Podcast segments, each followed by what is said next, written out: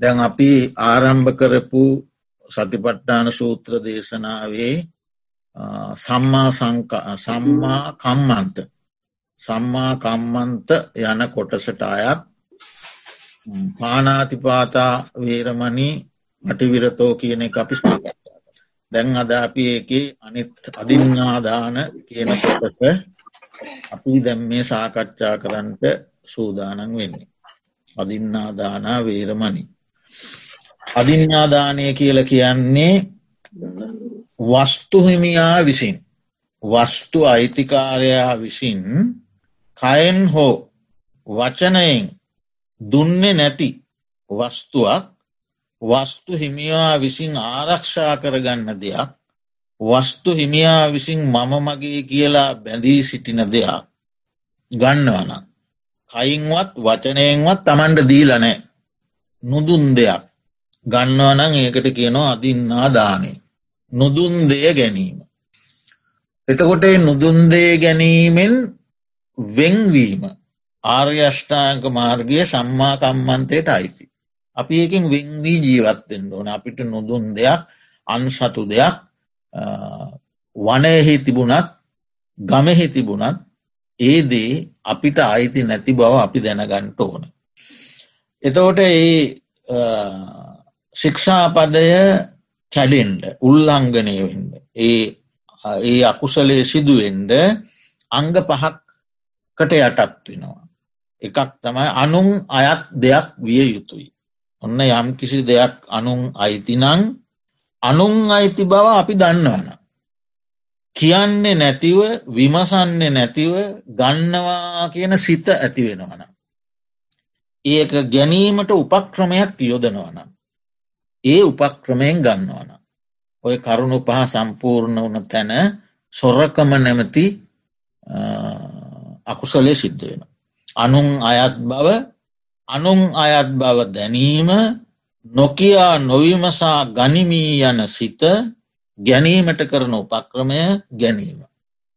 එතකොට මේ ශික්ෂාපදය ඔය විනය පොත්තොල් නං පස්විසි අවහාරය කියල දේශනා කරල තියෙන. විසි පස්සාකාරයකින්.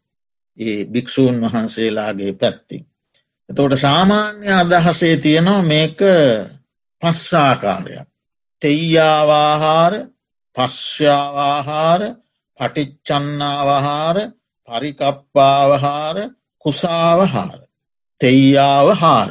එක යන්නේ නොදුන් දෙය වංචාවෙන් ගන්නවා. යම්කිසි වංචනික ක්‍රියාවකින් ගන්නවා. පසයිවහාර කියන්නේ බලහත්කාරයෙන් ගන්න. බය කරලා බලහත්කාරකම් කරලා ගන්න. පටිච්චන්නාවහාර කියන සඟවලා ගන්න. තියෙන තැනින් එක සඟවනවා. පස්සෙ ගන්නා වූ අදහසින් සඟවලා තියෙනවා. ඒවෙලා අරයි යන්න. එම සඟවා ගන්න. පරිකප්පාවහාර කියල කියන නියම කොට ගන්න. මෙන්න මේ දේමයි කියලා නියමම්ම නියම කරලා අරගන්න. කුසාවහාර කියන කුසපත් ක්‍රමය ඒක මේ භික්‍ෂූන් වහන්සේලා අතර තියෙන ක්‍රමයක් පරිෂ්කාර පිරිකර හම්බවනාම ඒ පිරිකර සාධාරණෝ බෙදන්ට ඕන නිසා ගොඩාක් පිරිකර තියෙන තැනක් නම් ඒ ඉන්න භික්‍ෂූන් වහන්සේලාගේ ප්‍රමාණයට සමව බෙදනවා. බෙදලා කුසපත් අදිනෝ. ඒ කැමැති ක්‍රමයකට කරන්න පුළුවන් ඒ හාමුදුරුවන්ගේ නම් ඔලින් හරි එමනට අංක ක්‍රමයකට හරි කුසපත් ඇදලා අපි කියමු අපි දහනමක් හිටිය කියල දහනමගේ නම ලියනවා පොඩි තුන්ඩු කෑලිවල්. එක සමාන තුන්ඩුවල. ලියලා ඒ දහය හොඳට හොල්ල හොල්ලලා ගිහිල්ලා අර පිරිකර කොටවල් දහය තියෙනවා. එතවට මගේ නමට අයිති කොටස තමයි මම ගන්න. එතකොට එතන හැමෝ මේ වෙලා ඉන්ඩත් පුළුවන් නොයින්ටත් පුළුවන්. ඒ වෙලා හැමෝම එතන හිටිය නැත්තං මට අදහසක්කාවොත් එහෙම මේ මගේ ගොඩට වඩා එහා ගොඩ හොඳයි මගේ කුස මගේ කුසපත හිමීට එහායකෙන් තියලා එහා කුසපත මගේකෙන් තියාගන්න. අන්න කුසපත් ක්‍රමයට අය හොරකම වෙලා ඉවරයි. එයා හොරකමට සම්බන්ධ වෙලා ඉවරයි. අන්න ඒවට කියන කුසාව හාර කුසපත්තදීමේ ක්‍රමයට සිදුවෙන හොරකම්. කෝමාරයෙක් කොහොම කළත් ඒවා හොරකම් මට්ටමට අයිති. තමන්ගේ අර කරුණු පහට යටත්නම් අනුන් අඇත්වෙන්ට ඕනෑ අනුන් අයත් දෙයක් බව තමන් දැනගෙන තියෙන්ට ඕන කියන්න නැතු විමසන්න නැතුව ගන්නවා කියන සිත තියෙන්ට ඕන ගන්නට මොකක්කෝ උපක්‍රමයක් කරන්න ඕන ඉට පස ගන්නවා. එතකොට මෙහි තියෙනවා ගුණදහම් රකින්නේ නැති. ඉතාම පවීටු අදහස් ඇති. කිසිදු ශික්ෂාකාමීත්වයක් නැති. අයකගේ ඒ අටුවාවේ ඉන්නේ එහෙම අයගේ දේවල් හොරකං කිරීම අල් පසාවද්‍යයි. වරදේ වරද අල්පයි කියලා. එතෝට මහාසාවද්‍යය වෙනවා ගුණවත් සිල්වත් ආදී උතුමන්ගේ මහා ගුණවන්ත උතුමන්ගේ දේවල් හොරකං කර සංගික දේවල් වගේ හොරකං කළොත් ඒවා සංඝයා සතු දේවල් හොරකම් කළොත් ඒවා මහාසාවද්‍යයන. ඒවා පොදුයි සංඝයා කියන පොදු සමූහයකට අයිති දෙයක්. එතෝට ඒක මහාසාවද්‍යය. ඉතින් මේ මෙහි විපාක වශයෙන් බුදුරජාණන් වහන්සේ දේශනා කරනවා නිරයෙහි උපත ලබන. යම් හේකින් නිරයෙන් තව මේ අකුසලයේ විපාක වාර ලබා දෙෙන්ට තිබියදී. තව විපාක දීලා අවසන්නේ. තව විපාක දෙෙන්ට තිබියදී යම් හේකින් යම් කුසල කර්මයකින් මතු වෙලා එයා නිරයෙන් චුත වෙලා මිනිස්ලෝ එහෙම ඉපදුනොත් දීනයෙක් වෙනවා. හීන පෞරුෂයෙන් යුක්ත. දිලිඳු තැනක උපදිනවා. ඒ වගේම නොමනා දැකුම් මැති කෙනෙක් වෙනවා. ඒ විදිහේ අනිෂ්ට විපාක ඔහුට ලැබෙනවයි කියලා ධර්මය සඳහන් වෙනවා. ලෝ ලුද්දෝකෝ බ්‍රාහ්මණ ලෝබේන අභිභූතෝ පරියාදින්න චිත්තෝ අදින්නම්පි ආදියති. ඔන්න. ලෝභය හේතුකොටගෙන ලෝභයෙන් මැඩුණු සිත් ඇති සත්වයෝ මිනිස්සුන් හොරකම් කරනවා. දුට්ටෝකෝ බ්‍රාහ්මණ දෝසේන අභිභූතෝ පරියාදින්න චිත්තෝ. දවේශයෙන් දුෂ්ට වූ සිත් ඇති පුද්ගලයෝ ඒ දවේශමූලිකව හොරකම් කරනවා. මුල් හෝකෝ බ්‍රාහ්මණ මෝහේන අභිභූතෝ පරියාදින්න චිත්තෝ අදින් අම්පියාදී. මෝහයෙන් මුලාවෙලා මෝහයෙන් මැඩුණු යටපත්වනු සිත් ඇති පුද්ගලයෝ ඒ මෝහමූලිකව සොරකම් කරනවා. තමා සහ අබුදරුවන් රැකීම් ආදී වශයෙන් එක්කො තමාගේ රැකීමට අබුදරුවන්ගේ රැකීමට ඔවුන් සතුටු කිරීමට ඒ වගේම තිබෙන ධනයෙන් සෑහීමකට පත් නොවී මහා ධනවතෙක් වීමේ අදහසින් මේක කරනවානම් ඒ ලෝබය මූලිකව කෙරෙන්නේ. ලෝබ මූලික සිදුවෙනවා. ඒ වගේම අන්න අයට හිංසාවක් පීඩාවක් විපතක් කිරීමේ අදහසින් ආගාතය මුල් කොටගෙන ක්‍රෝධය මුල් කොටගෙන හොරකම් කර අනුන්ට අවැඩක් කිරීමේ අදහසින් ඒක දේශමූලිකයි. කර්මය කර්මඵලය විශ්වාස නොකට අනේ ඕවා කලාට කිසිදු ප්‍රශ්නයක් නෑ මේ කාග තියෙන අනුන්ළඟ අනුන් සන්තක දේවල් ගත්තම් මොක දේමිනිසුන්ට වැඩිනිකවා කියලා අන්න ඒ වගේ අදහසින් කරනවන ඒව මෝහ මූලිකයි. ඒ නිසා ඒ හොරකම කරනවනං ආර්යෂ්ඨාංක මාර්ගයේ නෙවෙයි ඉන්නේ. එයා ඉන්නේ එයින් පිට. ඉතින් බුදුරජාණන් වහන්සේ දේශනා කරනවා අදින්නාදානම් පහාය අදින්නාදානා පටිවිරතෝ හෝති දින්නාදායි දින්න පාටිකංකී අතේනේන සුචිභූතයන අත්තනා විහරති. අන්සතු දේවල් ගැනීමේ අදහස දුරු කරලා ප්‍රහාණය කරලා. එයින් වෙන් වෙලා දින්නාදායි දුන්දේ ගන්නා සුළුව. දුන්දේ කැමතිවන්න සුළුව. අනුන්දේට යාත තියන්නේ අනුන් අයිතිදේ හොර සිතකින් කිසිම අවස්ථාවක් අත තියන්නේ. දුන්දේ කැමති වෙනවා දුන්දේ ගන්නා සුළුව ඉන්නවා. අතේ නේන සුචිබූ අතේ නේන සුචිභූතයන අත්තනා වියදති. එසේ සොරකමින් වෙලා නොසොර වූ සිතක් සොර නොවූ සිතක් ඇති කරගන්න. හිතේ කිසිම සොර අදහසක් නෑ. සොර නොවූ සිතෙන් පිරිසිදු සිතින් වාසය කරන. සොර නොවූ සිතෙන් පිරිසිදු සිතෙන් වාසය කරන.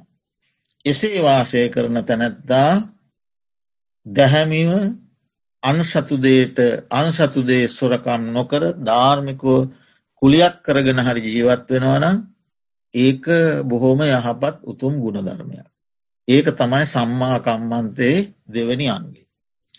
ඉළඟට තුන්වෙනි අන්ගේ කාමේසු මිච්චාචාරා කාමෙහි වරදවා හැසිරීම.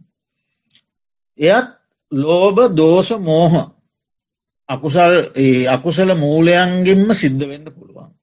සිරුරු පැහැයට ආසාාවෙන් පංචකාම සම්පත් පිළිබඳ ඇල්මෙන් ලාබාදිය ලැබීමේ ආශාවෙන්. කාමෙහි වැරදි ලෙස හැසිරෙනවන. ගිහි ජීවිතයක් ගත කරන කෙනෙකුට නියමිත කම්සැපවිඳීමේ ක්‍රමයක් තියෙනවා ඒ ක්‍රමය උල්ලංඝනය කොට ආශාවෙන් යුක්තවයෙහි යෙදෙනවනම් ලාබලබීමේ ආශාවන් හෝ කම්සැප විඳීමේ ආසාහොන් හෝ ඒ කරනොන එක ලෝබමූලිකයි. රකින්න ඔවුන් කෙරෙහි වෛරයෙන් ඔවුන්ගේ කීර්තිය කුලගෞරව විනාශ කිරීමේ අදහස යටිසිත් තුළ තිබා තබාගෙන. එක දවේශමූලිකව යෙදෙන කරන ක්‍රියාවක් වෙනවා. අනුන් නසමි විනාශ කරමි ඔවුන්ගේ කුලය ගෞරවය කීර්තිය ඒ අදහස යට තබාගෙන එයින් සැලසුම් කරලා කරනකොට එක දෝෂමූලිකයි. ඒවෑවින් ඇති වෙන වරදක් නැත. කාන්තාවම්මවා තියෙන්නේ පිරිමින්ගේ අවශ්‍යතා සපුරා ගැනීම සඳහා දෙවියන් මැවූ දෙයක්කේ ආදී ඔය විදිේ මෝහමූලික අදහස් ඇතිව කරත් කළොත් ඒවගින් ඇති වරදක් නෑ කියලා ඒක මෝහමූලිකයි.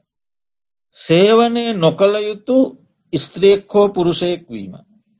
සේවන සිත උපක්‍රමයක් යෙදීම. ඒ සේවනය ඉවසා සිටීම. ඔය කරුණු හතරෙන් යුක්ත වූ කල්හි කාමහේ වරදවා හැසිරීම වෙනවා. එතකොට ඒ විසි දෙනෙක් දක්වලා තියෙනවා ධර්මයේ ඒ විසි දෙනාගෙන් කුමන කෙනාට වරදක් කළත් ඒ කාමේ වරදව හැසිරීමට අයිති වෙන.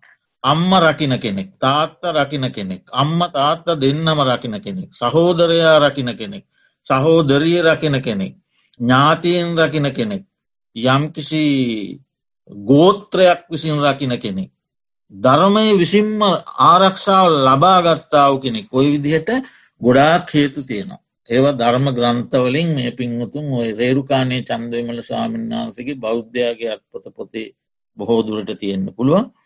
ඒ විසි ආකාරයෙන් ආරක්ෂා කරන්න වූ ඒ ආරක්ෂා කරන්න වූ කෙනෙක් සමග වරදවා හැසිරීමෙන් මේ ශික්ෂාපදය කැඩෙනවා. එතෝට එයින් සිද්ධ වන්නේත් නිරයෙහි උපත ලබනවා. බහුල වශයෙන් ඒ කාමේසු මිච්චාචාරාව කියන එක කාමයේ වරදවා හැසිරීම නැවත නැවත නැවත නැවත සමාදං වෙලා වගේ කරනවනම් නිරෙහි උපදිනවා. ආයුෂ ගෙවීමට ඉතිරිව තිබියදී මිනිස්ලුවට ආවොත් සතුරං ඇත්තෙක් වෙනවා. එයට හරියට හතුරු ඒ තමයි විපාකේ. අටුවා ග්‍රන්ථෝල දැක්වෙනවා නපුංසක ජීවිත පණ්ඩක ජීවිත විරූපී ජීවිත ලැබෙනවා කාමයවරද හැසිරීම නිසා. එතවට දැන් ගැටලුවත් තියෙනවා ඇයි මේ සම්මාකම්මන්තයටවත් ආර්ය අෂ්ඨායංක මාර්ගගේ මොහොකටවත් සුරාපානය ඇතුළත් නොයල්න්නේ කියලා. මෙතන සුරාපානය ගැනෙන්නෙත් කාමෙහි වරදවා හැසිරීමට රූපකාම ශබ්දකාම ගන්ධකාම රසකාම පොට්ටබ්බකාම කියන ඒවට අයිති වෙනවා. හැබැයි දැන් අපි කතා කළපු කාමය සුමච්චාචාරය වෙනයි. ඒ වෙනම අංශයක්. නමුත් මේ මත්තැන්බීම කියන එකත් ඒක පංච සීලයටම අයිති. පංචසීලය කියන්නේ ගිහියාගේ නිත්‍ය සීලේ. නිත්‍ය කියන් ස්තීර කියන. එතකොට ආර්යෂ්ඨාංක මාර්ගයේ රිජුව තුරාමේරේ නෑ කියලා කවුරුහරි තර්ක කරනවා නම් එයට ආර්යෂ්ඨාංක මාර්ගය වඩන්ඩත් ඉස්සර තිබ්බකමනෑ පංචසීලේ නිත්‍ය ශීලේ ආර්ය කාන්ත සීලේ එනිසා එහි ගැටලුවක් නෑ. ඉතිං මෙන්න මේ කරුණු ඒ විදිහට සලකාගෙන ඒ සම්මා කම්මන්ත කියන සම්මා කම්මන්තයි සම්මා ආජීව මේ ඔක්කොම අයිතිවෙන්නේ සීලයට. සම්මාවාචා සම්මා කම්මන්ත සම්මා ආජීව. සම්මාවාචාව අපි කලින් කතා කළා. වචනයෙන් සිදුවෙන අකුසල් හතර. ඒවැන් බැහැරවීම. මුසාවාදය පිසුනාවාචය සම්පප්පලාපය පරුෂාවාචා. ඒ සම්මාවාචා. සම්මා කම්මන්ත ප්‍රාණඝාතය ප්‍රාණඝාතයෙන් වෙන්වීම සොරකමින් වෙන්වීම කාමීවරද හැසිරමින් වෙන්වීම. සම්මා ආජීවය තියෙනවා. ඊළඟ දවසේදී අපි ඒ සාකච්ඡා කරම. ඒකත් දීර්ග විස්තර සහිත මාතෘකාවක්. ඒ නිසා ඒ විදියට කටයුතුරම මෙතෙක් වෙලා ධර්මශ්‍රවණය කිරීමෙන් උපදවාගත්ත කුසල ශක්තිය අප සියලු දෙනාටම දෙවියන් සහිත ලෝකවාසී සියලු ශක්තයන්ටත් උතුම් මමාමා නිර්වාණශෝර ශාන්තිය පිණිස හේතු වාසනාවත්වා පරලෝස පත්ඥාතීන්ද මේ පින් අනුමෝදංම සුකී සෝපත් භාවයට පත්වෙත්වා කියල පාර්ථනා කරන. සාදු සාදු ජීවානාගා මහිද්දිකා පුඥන්තන්තු ශාසනං චිරන්රක්කන්තු දේශනං චිරන්රක්කන්තු මන් පරන්තිී දම්මී ඥාතිීනං හෝතු පිතාන්තමාත්‍රයෝ ඉදම්මේ ඥාතිනං හෝතු පිතාන්තමාත්‍රයෝ ඥාතිනං හෝතු